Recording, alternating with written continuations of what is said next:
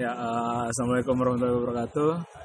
Uh, kembali lagi bersama uh, saya Panji di acara ngobrol-ngobrol bisnis ya. Nah kali ini udah kedatangan, bukan kedatangan sih, kebetulan lagi bareng memang ya, sama Bung Evan Insani. Halo, Ah iya nama tengah lo kan, gue waktu itu sempet salah ya. Kamaratul. Kamaratul ya, Evan Kamaratul Insani. bukan Karamatul ya. Banyak banget yang salah. Soalnya kayak lebih tepat kayak eh, lebih cocok kayak Lu jangan ubah gitu. nama gue dah. Kamaratul. Nah Kamaratul artinya apa sih? Bermartabat. Bermartabat. Bahasa Padang. Enggak.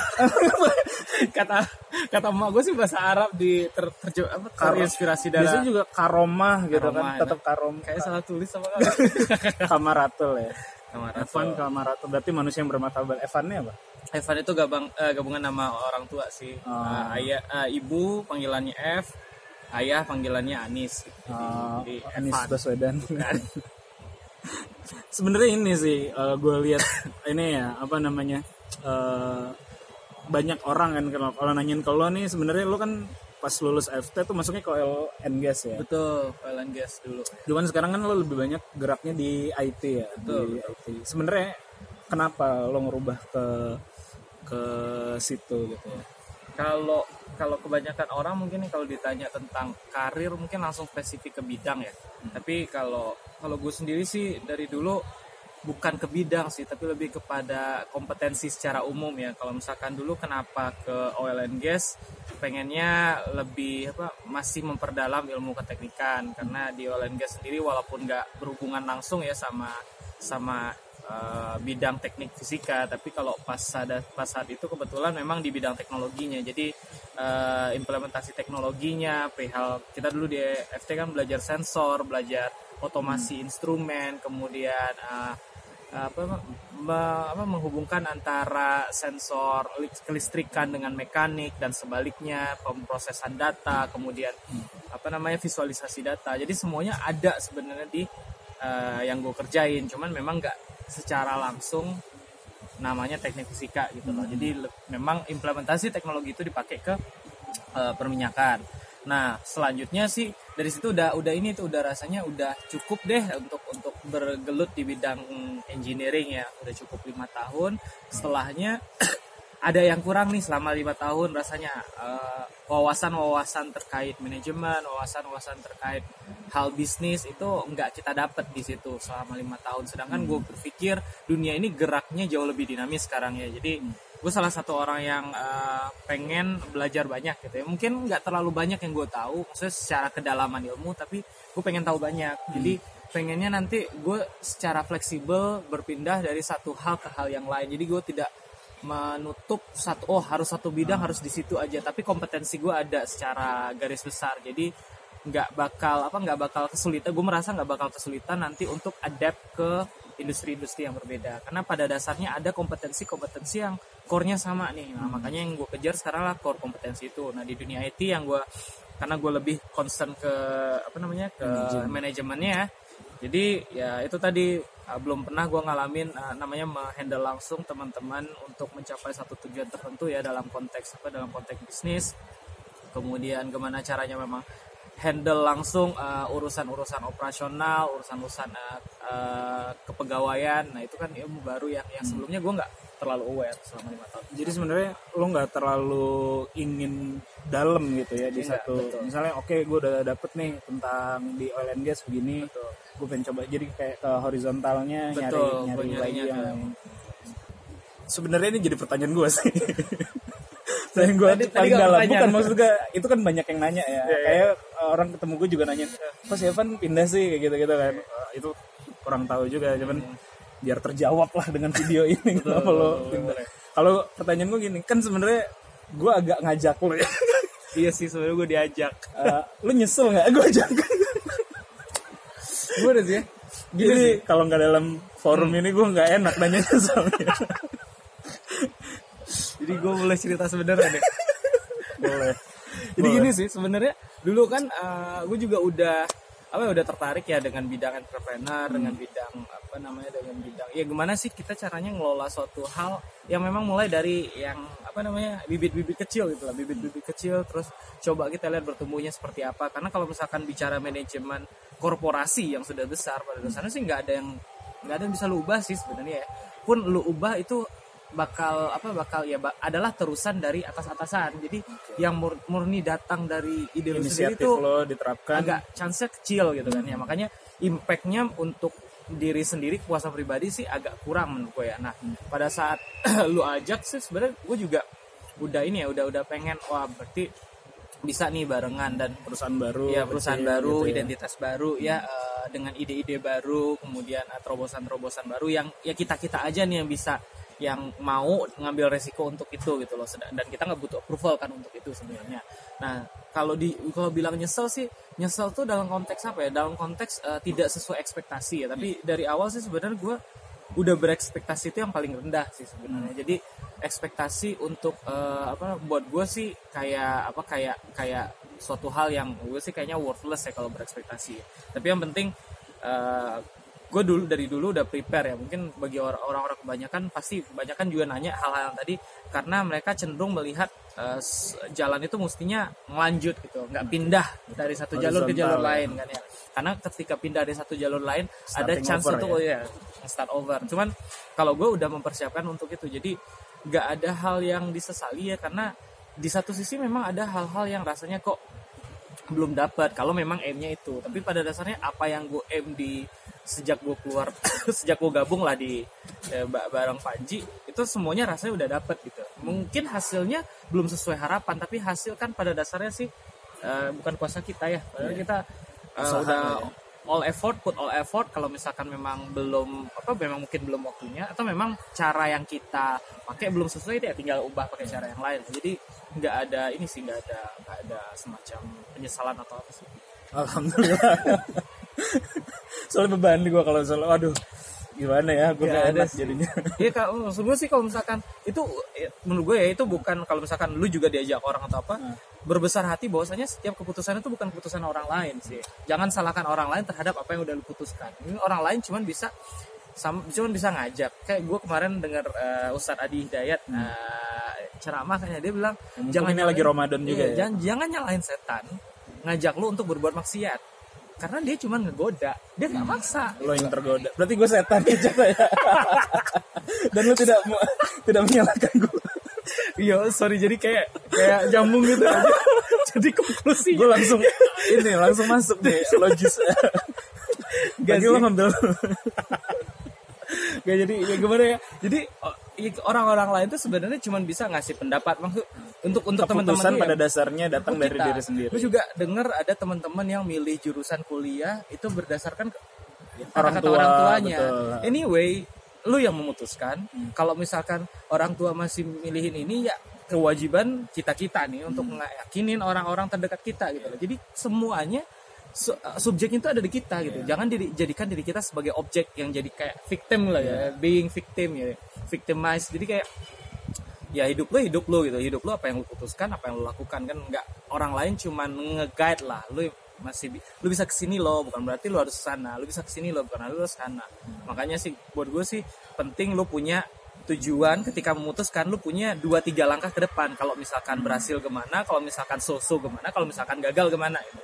Gua ya makanya itu gue jadinya begini sih untung kiwi mudah-mudahan lumayan ya ini oh ya Kiwi kita baru balik dari Lagi, beach, masih ya, ya. masih, Masih di di, Singapura. Singapura, ya mudah-mudahan Insya Allah lah Kiwi bisa memberikan impact yang seperti yang kita harapkan ke masyarakat umum. selain di IT lo kan main di saham juga ya Iya, iya, saham nah kalau orang nih kalau ke gue sih paling dasar tuh nanya sih dan lo trading ya bukan Iya, betul. bukan Bukan investing. bukan investing Yes. ya trading nih artinya eh, lo ketika naik lo jual ketika turun eh, mungkin lo beli kayak gitu. Iya. eh ketika ya ketika Betul naik lo jual iya. ya kayak gitu gitu lah sedangkan kalau investing kan memang di keep aja Hmm. lama ya memang memang untuk investasi masa depan nantinya Betul. berharap itu akan tumbuh gitu Betul.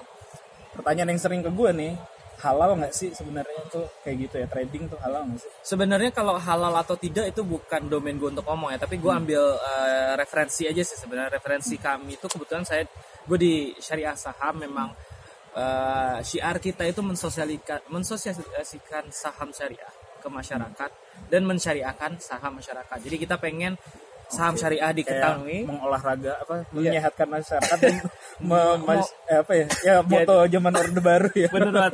Jadi intinya sih kalau ambil kita ambil referensinya itu Fatwa MUI nomor 80 tahun 2011 ya. Hmm. Di situ dijelaskan banget apa aja yang bisa menyebabkan saham itu menjadi tidak boleh atau haram kata MUI. Jadi, jadi gua pada dasarnya eh, halal kalau menurut emang halal, halal. betul. Asal dilakukan. Nah, jadi kalau misalkan oh eh, ini dari sisi sahamnya dari ya? sisi sahamnya. dari Jadi sahamnya dulu. asal kalau eh, ada Pak, kurang lebih ada tiga, ada tiga aspek yang bisa Hmm. membedakan antara transaksi saham eh, secara syariah dengan transaksi saham yang konvensional ya, yang nggak dibatasin oleh syariah Islam. Jadi kalau yang pemba- eh, pembatasan syariah Islam itu ada di pertama di produknya sendiri, produk Hmm. saham, produk dari emiten saham tersebut. Jadi perusahaan yang melantai di bursa itu kan mereka punya produk ya untuk menghasilkan revenue atau Hmm. service. Iya. Nah produk ini ada yang eh, menurut apa ada yang diperbolehkan dalam syariah ada yang tidak yang di- tidak diperbolehkan dalam syariah seperti apa? Seperti rokok seperti alkohol kemudian Rokok juga udah seperti- nggak boleh rokok nggak boleh. rokok sudah nggak boleh rokok alkohol kemudian riba yaitu perbankan. Perbankan. Nah, kalau perbankan syariah? Perbankan syariah ada kita ada dua sekarang emiten yang Oh, sudah melantai di bursa Panin Bank Syariah sama BRI Syariah baru dua itu perbankan. Nah itu sudah sudah ada nih sudah ada perbankan syariah yang lulus. Dan ini screeningnya bukan screening kita gitu. Hmm. ini screeningnya adalah lewat OJK dan juga Dewan Syariah Nasional. Oh, jadi mereka setiap enam bulan memperbarui listnya. Ini baru keluar yang kemarin ada berapa ini. list sih sebenarnya kalau sekarang yang- kita yang syariah itu ada sekitar 360 sekian. Dari? Dari total hampir 600 eh, saham Oh, yang 50%, ada, sudah 50% 50 ada ya? 60 persen. Ya dan kemudian jadi produknya itu nah gimana kalau hotel? Ada beberapa saham hotel kan ya yang ini yang dia mungkin jual minuman keras. Oh iya, sebenarnya hotel sendiri kan halal. betul dan no ya jadi problem ya. no problem. Jadi ada ada beberapa hotel yang memang eh, proporsi proporsi eh, pendapatan dari minuman kerasnya itu besar. Dia kalau kalau gua nggak salah sih mungkin bisa dicek nanti kalau nggak salah sekitar 10% nah pasti banyak yang nanya kenapa sih masih boleh? Gitu loh. Kenapa sih masih boleh? Dia jual dia jualan bir loh dia jualan apa gitu kan ya. Karena pada dasarnya ini kalau misalkan belajar akut, eh, apa, akuntansi syariah ya hal-hal yang seperti itu bisa dipisahkan gitu loh jadi bisa Oke. dipisahkan tapi tidak dianggap revenue jadi ini masuk lagi ke akuntansi syariah ya jadi pada dasarnya revenue itu bisa dipisahkan dan yang ini itu dianggap bukan sebagai revenue lagi gitu loh jadi di di itu diberikan kepada yang lain untuk sosial dan sebagainya jadi Oke. tidak dianggap tidak di Tidak tercampur lah ya. tidak tercampur Tidak jadi dicampur dengan betul, betul. eh, Jadi- gitu ya. Ya, jadi itu pertama tentang produk ya. Yang kedua tentang eh, ininya sendiri tentang apa eh, debt atau istilahnya hutang, ya. Karena patut dipahami bahwasanya kita sendiri banyak perusahaan-perusahaan itu ya mas, masih berhutang lah. Namun eh, Dewan Syariah Nasional kita ber- berpendapat bahwasanya selama rasio hutangnya DER debt to equity ratio. Jadi hutang eh, dibanding equity. Jadi equity, ya. rasionya itu 45% yang artinya apa? Kalau misalkan dia punya uang 100, hutangnya maksimal cuma 45.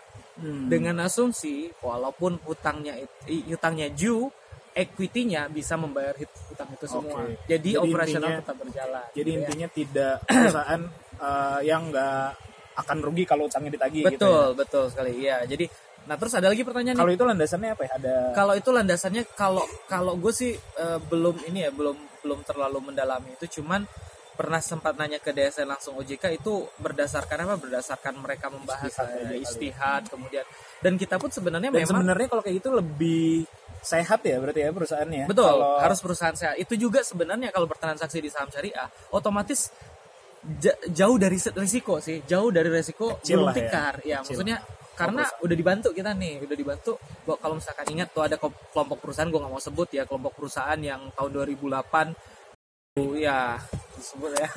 Itu ras rasio Rasio darnya semua gila-gilaan ya. jadi bagaimana lu sebagai seorang ya bagaimanapun lu punya cuma satu lot itu lu udah shareholder kan ya? Karena shareholder itu dibayar belakangan.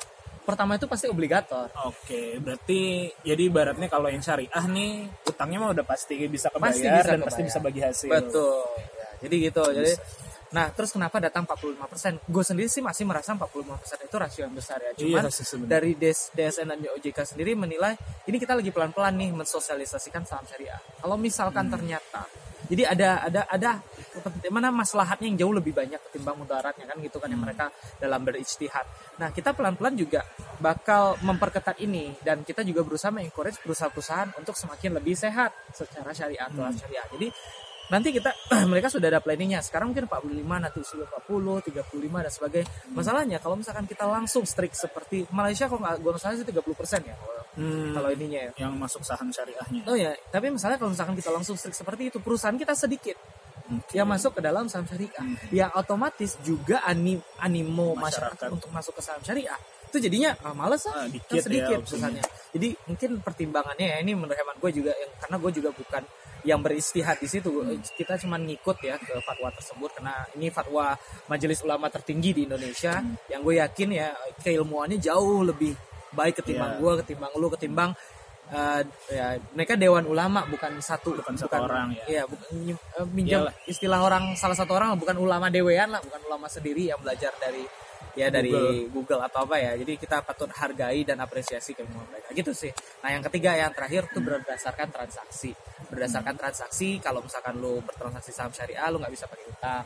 Di istilahnya hutang itu margin ya kalau di di saham namanya. Jadi kalau misalkan lu transaksi konvensional konvensional itu broker atau sekuritas itu bisa memberikan lu eh, apa namanya pinjaman sekitar 30%. 30% Jadi misalkan dari- uang lu 100 nih ya. Kalau misalkan di saham konvensional, lu cuman bisa beli saham 100. Eh sorry, kalau lu bisa beli saham 100 plus 30. Walaupun Lebih uang lu ya? cuman 100. Walau uang lu Di penjemen 30. Terus bayarnya ke mana? Bayarnya pakai bunga nanti.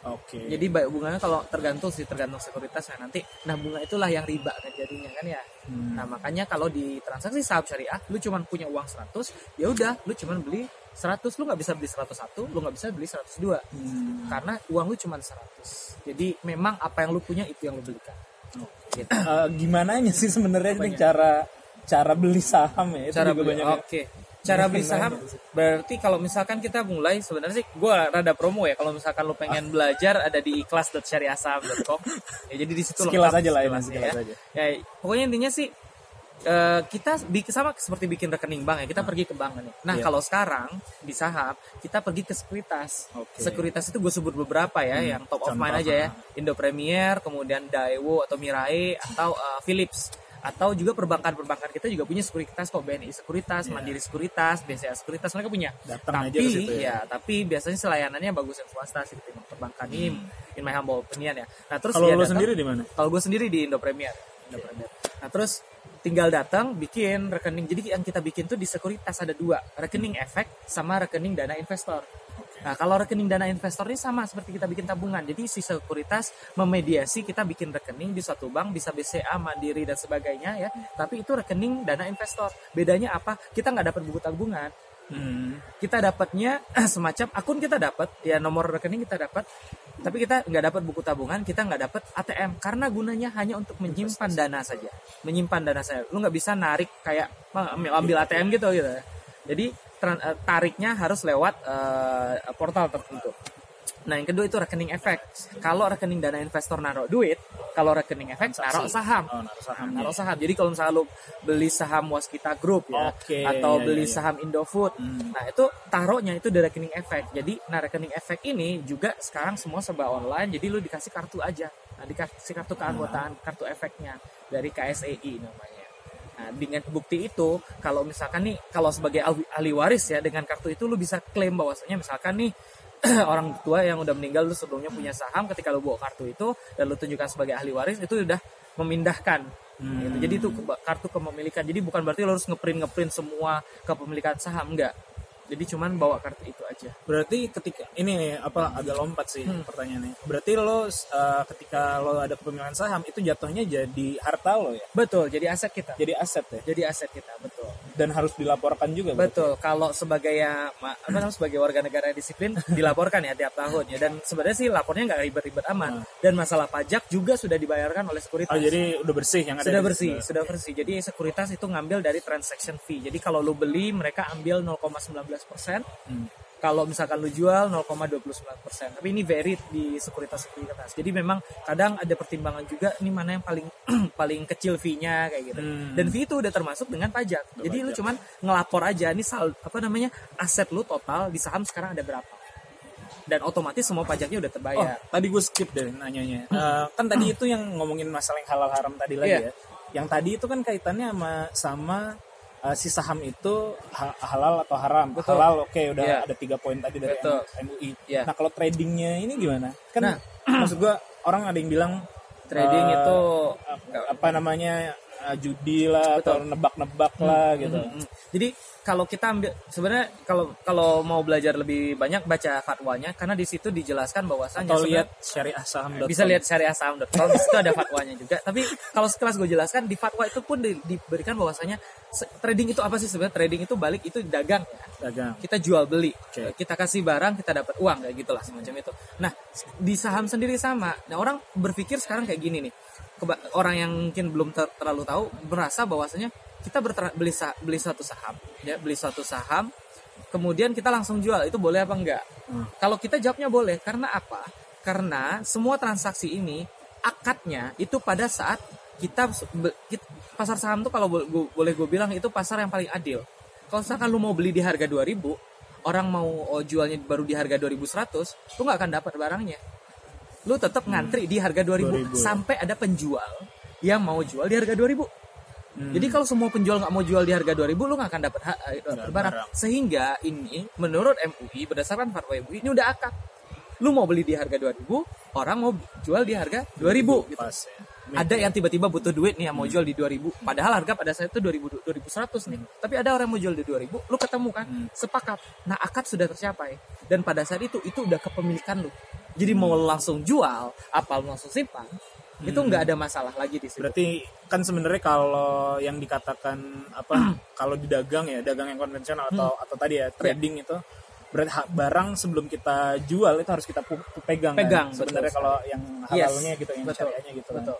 Jadi Berarti ini ibaratnya eh, karena karena ini pertukaran pertukaran data ya atau kepemilikan lah. ya. kepemilikan, ya. Eh, selama itu terjadi itu udah dianggap akad berarti boleh. Gitu Betul. ya. Jadi eh, seperti ini nih, misalkan ya, eh, contoh paling konkretnya adalah contoh paling konkretnya adalah misalkan nih tiap bisa biasa perusahaan itu bagi atau perusahaan bagi dividen. Oke. Jadi dividen itu eh, hanya diberikan jikalau pada saat tanggal itu kita namanya tanggal kum, cum date. Jadi C U M D A T E.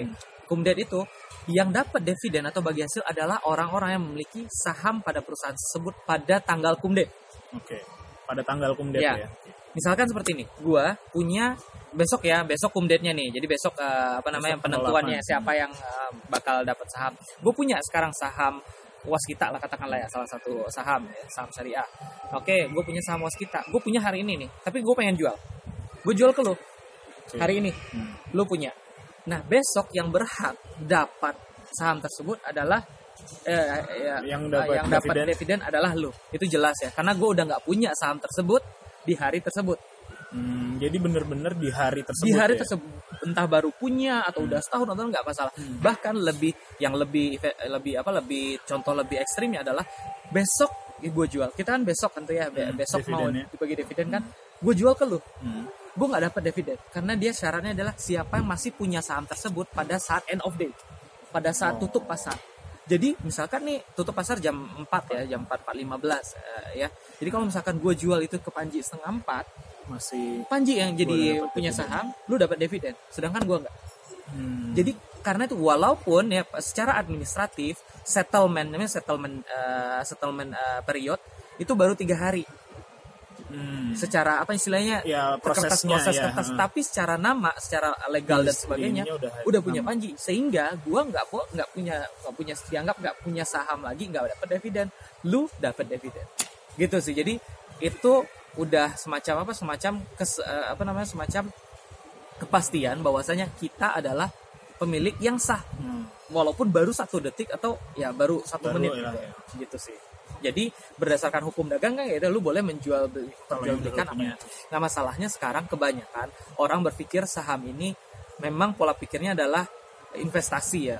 Kalau gue sendiri sih antara pola pikir di saham dengan investasi di bisnis real itu gue bedakan. Hmm. Di saham sendiri gue nggak ngejar dividen, gue nggak nggak da- nggak dalam pola pikir untuk memodali Nyari perusahaan tersebut gitu lah. Berarti Gua lo hanya- nyari eh dagang ya. Iya dagang capital gain yang gue cari.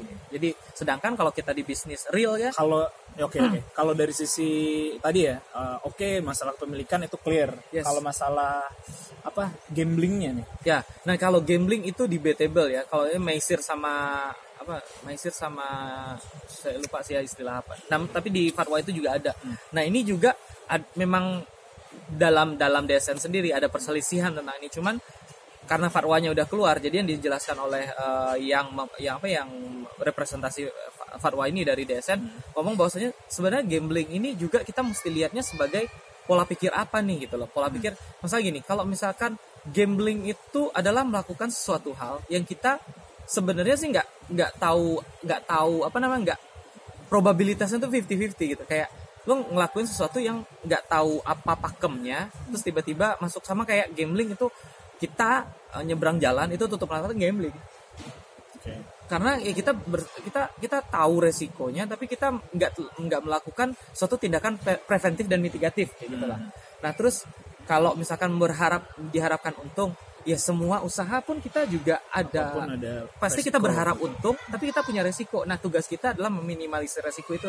Nah makanya salah satu transaksi yang dis- yang juga menurut saya ya syarat bertransaksi saham secara syariah lah ketahui dulu resikonya pelajari cara meminimalisirnya. Jangan langsung terjun terus tiba-tiba salah satu resiko ya misalkan tiba-tiba belum belum pernah nih belajar sama sekali tiba-tiba naruh dana full ya di satu saham. Hmm. sehingga ketika naik turun itu kit- kita ngalamin langsung shock lah. Maksudnya satu saham turun 5% otomatis a- nilai aset kita turun 5% kan. Tapi beda kasus kalau misalkan kita taruh 10 persennya dulu dari dana di satu saham atau kita disperse jadi 10 saham. Sehingga yang mau yang satu mau turun 5% yang lain toh ada yang naik 2% jadi terdiversifikasi gitu Nah, model kelola seperti ini yang sebenarnya sejujurnya se- dari kami sosialisasi tentang pengetahuan saham atau Kami bursa syariah, mereka ya. ya, kam, eh, kam- ya syariah tim syariah saham sendiri itu masih kurang. Jadi kebanyakan niat orang untuk masuk saham itu adalah melipat gandakan harta mereka sedini mungkin, Cepat-cepatnya. secepat mungkin. Nah, itu yang pola pola pikir menurut saya itu salah gitu. Walaupun trading pun begitu, walaupun trading sebenarnya cari untung gitu ya. Betul. Tapi tapi nggak begitu banget juga. Ya, jadi apa namanya? Kita juga apa namanya? Kita juga ngel istilah ibarat kalau saya sih bukan main saham dan bukan juga apa ya bukan main saham juga bukan investing ya tapi lebih kepada ya berbisnis saham apa yang eh, kayak gini lah kita jualan kaos ya jualan kaos ketika jualan kaos itu juga gambling sebenarnya bisa jadi kaos itu laku atau tidak tuh. Iya. jadi kita beli kaos atau atau sebenarnya nggak nggak gambling juga karena kita tahu kaos lagi bagus marketnya lagi ada di saham pun demikian kita bisa lihat tendensi terhadap suatu saham ini lagi bagus kenapa laporan keuangannya bagus Hmm. atau dia lagi bikin corporate action yang sangat ekspansif Jadi gitu. jadi sebenarnya kan tadi ya nebak-nebaknya itu terukur lah ya. betul semuanya harus berdasarkan apa Bukan berdasarkan nebak berarti ya. bukan bukan nebak ya bukan juga Ada nggak sih kejadian yang tidak terduga gitu? ada ada, Ada-ada banget aja ya? ada karena eh, kayak misalkan yang kejadian yang deket-deket aja sih kayak tahun 2015 kemarin ya market memang lagi down banget Ekomo- ekonomi lagi lesu banget jadi walaupun pada dasarnya si apa perusahaan-perusahaan cetak keuntungan ya cetak profit eh, yang cukup bertumbuh ya walaupun nggak signifikan tapi perusahaannya masih tetap untung. Cuman orang cenderung melepas karena apa?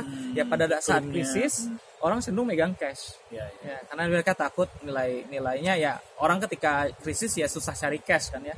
Otomatis eh, dicairkanlah sahamnya. Kalau pada saat mencairkan saham otomatis kan jualnya di harga yang orang mau beli kan. Ya, pada saat itu orang maunya belinya cuma harga rendah. Ya kayak gitu. Terus yang paling fenomenal ya tahun 2008 tahun 2008 Sebenarnya bukan cuma. Amerika ya. bukan cuma Amerika. Bukan cuman alhamdulillah sih di kitanya nggak terlalu. terlalu, parah sih. Ya alhamdulillah nggak terlalu parah. Cuman cukup signifik cukup gimana ya? Cukup kerasa sih dari tataran eh, stock market ya financial market. Walaupun ke real marketnya nggak terlalu. Stock market kita pada saat itu turun dari puncak tertingginya sampai terendah itu 61 persen turun 61%. Ya, jadi bayangkan kalau misalkan ya secara garis besar aset lu semua ada di saham Iya, pada saat itu ya berkurang 61 persen. Ya, ya, ya. Kalau mau belajar gimana tadi?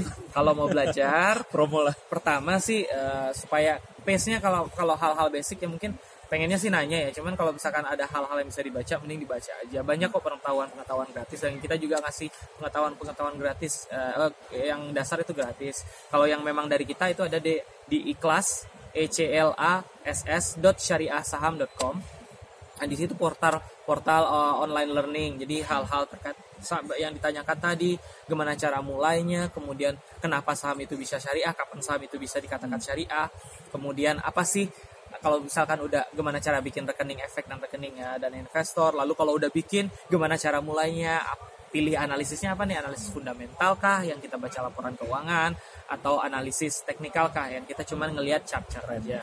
Nah, masing-masing punya kelebihan dan kekurangan masing-masing. Yang jelas sih eh, sesuaikan dulu nih, pahamin dulu. Selalu gue bilang kalau misalkan orang yang mau masuk saham nih, gue tanya siap rugi berapa. Hmm. Itu profil resiko. Karena bagaimanapun di saham itu termasuk eh, profil resiko ins- eh, instrumen yang profil res- resikonya tinggi. Kalau rendah itu mungkin seperti deposito ya, Iya. yang nggak ada resiko sama sekali kecil lah. ya. Ya, dan returnnya juga kecil otomatis Jadi kan memang balance-nya. di mana-mana mah ya high risk high return juga Benar ya. banget, benar. kalau gue bilang kalau misalkan mau belajar lebih lanjut dan detail dan memang gue bilang sih kayak berbisnis saham saham itu high return manageable risk karena gue sendiri ya gue sendiri Kalau boleh tahu lo berapa persen yang lo Growth, taruh di kalau- bukan bukan dari eh, harta. dari kalau aset dari yang lo harta kalau sayang sekali kalau misalkan dimasukin eh, harta properti ya misalnya karena rumah eh, karena ada Hmm. Properti itu jadinya ya karena Karena bakal- bebannya karena besar properti, gitu bebannya ya. besar ya. Ah, tapi kalau misalkan besar. dari liquid liquid aset gue bilang asam ah, saham itu liquid aset itu hampir sekitar 80% jadi cash Hmm. Eh, gue lo, lo bilang liquid ya? Gue bilang liquid. Kenapa? Karena Cepet gitu. karena pasti ada yang mau beli saham gua di harga segitu. Karena harga closing itu berarti adalah harga yang orang mau beli. Mau nah beli. ini yang ini yang penting ya. Beda sama emas. Kalau lu emas itu ada perbedaan harga jual sama harga beli. Iya. Kalau misalkan lu mau beli lu beli di harga jual. Jual. kalau misalkan lu mau jual lu beli di harga beli. Dan Iya. spreadnya itu ada sekitar 10-15 persen. Jadi apa kita tahu nih nilai aset kita berapa pada saat real ya. Real. Beda sama properti. Lu bilang misalkan oh harga rumah gua 1 m gitu. Iya, bisa, jual iya. pada saat itu deh ada nggak mau beli 1 1 m ada mungkin berarti tadi tadi berapa 80 persen 80% dari liquid aset yang artinya nih ya yang gue bilang-bilang yang artinya. ATM gua itu duitnya sama kayak anak kosan sengaja berarti ya. gede banget ya Iya. 80 persen lo tau Iya, ditaruh di sana. Karena apa? Karena karena apa? Karena gue nggak pengen apa ya? Gue nggak pengen ya menghindari hidup konsumtif karena tiap gesek Hmm, ATM karena iya, kelihatan iya, oh iya, gue duit gue masih banyak sebenarnya itu jadi excuse buat kita untuk spending more di satu sisi dan di sisi lain gue percaya saham ini bisa bertumbuh. Kalau misalkan ditanya performa, CAGR gue itu 28% sekarang. hmm, Jadi 28%. setiap tiap tahun itu bertumbuh Bertumbuh 28%. Nah, ter- sekarang deposito 6% per tahun ya. Hmm. Deposito 6%. Inflasi, gue target sih ngalahin inflasi sih. Inflasi mm, terdatanya tuh lima setengah persen, tapi aktual buat gue itu 10 persen. Hmm.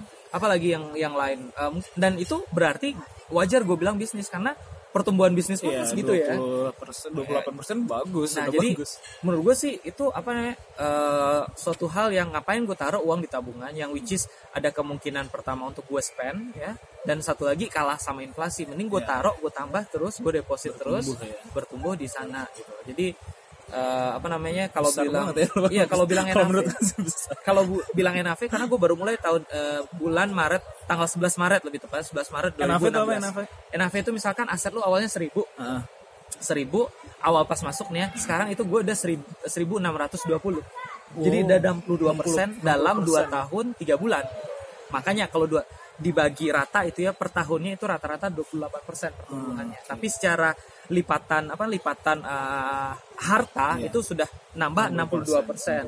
Makan waktu nggak sih lo manage manage kayak gini? kalau udah kalau misalkan karena yang makan waktu itu pada saat sekitar tiga bulan pertama gue belajar. Karena emang gue belajar emang thoroughly ya pada saat itu sebelum bahkan sebelum masuk Nuesto ya. Sebelum masuk Nuesto dan Kiwi. Nah jadi memang banyak banget. Tapi belakang belakang setelah memang used to it gue hanya spending like 30 menit 45 menit per malam gue juga nggak nggak nggak penting buat gue untuk ngeliatin market running. Nah ini juga Hmm. model transaksi ini juga materi lebih lanjut ya. Dan juga sebenarnya kalau misalkan nanya ke orang nggak nggak semua bisa jawab seperti yang gue jawab. Karena mereka cenderung menghitung menghitung persentase keuntungan itu dari satu saham. Oh gue untung nih 100% dari satu saham. secara secara whole gue nggak peduli sama kayak lu jual beli lah. Jual beli lu nggak nggak pentingin satu kaos itu laku satu kaos itu rugi. Tapi lu Secara melihat bisnis. revenue lu gimana itu yang gue lakukan. Nah kebanyakan orang-orang itu ngelihatnya oh fokus. yang disebut untung aja ya. Hati-hati ya kalau di saham ya. Disebut kebanyakan untung aja nih. Untung aja oh gue untung di saham ini. Jangan tanya untungnya. Yang tanya adalah lu rugi di berapa lu rugi berapa? Terus kalau misalkan lu harta lu kemarin pas masuk seribu sekarang berapa? Banyak Oh, yang oke. nggak bisa jawab. Karena mereka cenderung menyembunyikan ya itu tadi kalau misalkan lu untung 100% tapi setelahnya lu lima kali rugi 20% that's it hilang kan ya? Iya, iya. jadi sebenarnya itu model model perhitungan yang ya sama lah kita ngelola saya sendiri ngelola saham ini seperti ya saya juga ngelo- kita juga ngelola perusahaan Iya, kan ya kita nggak peduli satu project itu rugi satu project itu untung. Yang kita Iya. lihat adalah full revenue kan. Eh, berapa banyak nih yang, yang pemain saham di Indonesia sih? bukan pemain ya apa ya? Yang sudah yang buka rekening yang sudah buka rekening. Iya kalau misalkan kalau gue gue lupa persisnya cuman udah naik signifikan sejak dua Oh, tahun naik. terakhir. Tapi yang jelas itu agak menyedihkan sih Kak. karena rasionya dibandingkan dengan jumlah populasi ya. Hmm. kalau di kayak di kalau gue salah di Singapura. Ini di atas 50% loh jadi Oh. di atas 50% populasinya populasinya lima setengah juta kemarin ya. Lima setengah juta berarti ada 3 juta dua setengah juta sampai 3 juta itu udah join. Dan secara rasio mereka bagus. 50% penduduknya udah masuk ke pasar pasar modal. Sedangkan kita itu itu satu persen juga belum berarti belum ada 2 juta belum ada 2 juta 1,6 juta terakhir kali gue 2,6 juta. Itu baru saham keseluruhan ya belum kita nggak ngomong yang bahas syariah, syariah. ya syariah jauh Syariah lebih kecil lagi. lebih kecil lagi. Lebih kecil lagi sekitar lah kayak 600 ribu gitu. Nah ini sebenarnya nah, yang makanya nih yang suka kampanye beli muslimkan Nah apa it- gitu. itu sih sebenarnya. Kita yuk kita bantu perusahaan-perusahaan yang yang berusaha. Belilah saham. Belilah karena satu-satunya cara memiliki perusahaan itu dengan cara punya saham. Dan selain saham mungkin juga gue lebih pengen juga beli dong eh, apa namanya surat utang negara yang Ah, kalau misalnya obligasi negara atau surat utang negara atau sukuk juga. Karena apa sih? Masa sih su- apa i- surat utang negara itu artinya negara siap berhutang dan siap membayar ya. Masa sih negara ini butuh bantuan yang bantu beli itu malah orang asing gitu loh sedangkan kita keluar-keluar nih gimana Oh, cara bantu negara dan betul. sebagainya loh kalau gue nggak salah nih ya sukuk itu minimal 2 juta kok Ya, sedangkan kalau misalkan yang eh, pengennya reguler atau apa itu minimal satu juta. Jadi kayak ya bantu dong negara gitu. Tapi alhamdulillah terakhir yang SBR kemarin eh, saving eh, apa saving bond rate itu kemarin Februari ya. di atas di atas target sih. Hmm. dua kali di atas target target pemerintah satu triliun kita dapat 1,9 alhamdulillah. Tapi ori, eh, ol- orinya kemarin obligasinya kemarin itu nggak laris. Cuman 30% dari target. Jadi yuk bantu negara yuk. Karena kalau udah obligasi negara itu tingkat keamanannya tingkat tinggi loh. Iya, iya. bukan perusahaan kita kasih utang Iya, tapi negara. itu negara yang punya aset sebanyak ini. Apalagi kalau syariah udah jelas ada underlyingnya Oke, thank you banget Ivan. Kayaknya takutnya udah dipanggil-panggil kita. ayo Sampai jumpa lagi. Assalamualaikum. dadah